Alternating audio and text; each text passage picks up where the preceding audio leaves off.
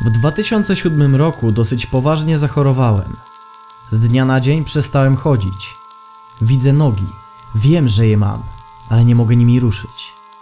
I niestety wymagałem długiej hospitalizacji.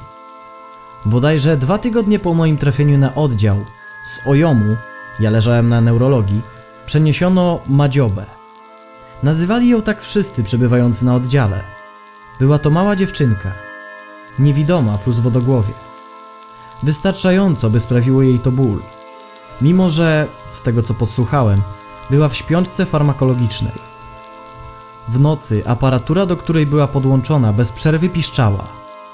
Działo się tak przez około 3 dni, plus parę razy dziennie. Czwartej nocy nie mogłem zasnąć. Nie wiedzieć czemu byłem poddenerwowany. I się zaczęło.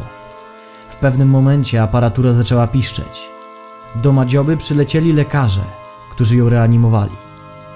Cała akcja trwała może 2-3 godziny. Przez ten czas lekarze reanimowali ją praktycznie bez przerwy.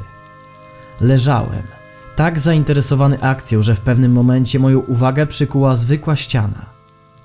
Lekarzy było bodajże czterech, a na ścianie widniało aż pięć cieni. Był nieruchomy. Wyglądał jakby stał na uboczu, za lekarzami, bliżej ściany. Nikt z obecnych w pokoju nie zauważył go. W pewnym momencie reanimacja przestała dawać efekty. Madzioba umarła na oczach lekarzy i moich. Poczułem przejmujący smutek.